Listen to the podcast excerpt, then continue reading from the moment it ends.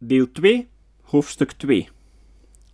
Leiden, managen of coachen. Sommigen beweren dat iedereen kan coachen en dat elke manager dus een goede coach kan en zou moeten zijn. Anderen stellen dat dit niet mogelijk is. Sommigen maken dan weer het onderscheid tussen leiderschap en management, terwijl anderen dit onderscheid geheel niet maken. Hoog tijd dus om deze begrippen eens nader te bekijken. Leiderschap. Kinderen hebben behoefte aan veiligheid en geborgenheid. Kinderen voelen zich veilig gehecht, of niet, aan hun ouders, kijken naar hen op en nemen hen tot voorbeeld. Ook volwassenen hebben deze behoeften.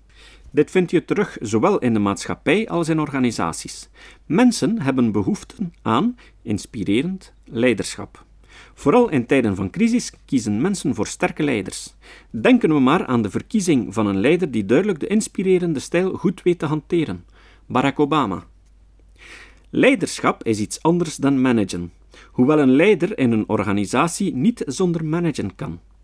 Leiderschap is meer dan dagelijkse leiding geven aan je medewerkers. Leiderschap heeft vooral te maken met beïnvloeding.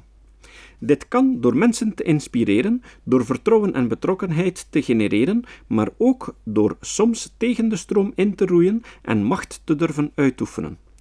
Een leider houdt rekening met belangrijke wijzigingen in de markt en zet veranderingsprocessen in gang om te overleven en nieuwe kansen te benutten. Dit is het strategische niveau. Aan een leider, in de echte zin van het woord, trekken mensen zich op.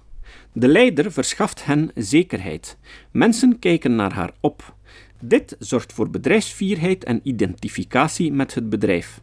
Als een persoon als leider wordt herkend, heeft dat vooral te maken met zijn stijl en persoonlijkheid.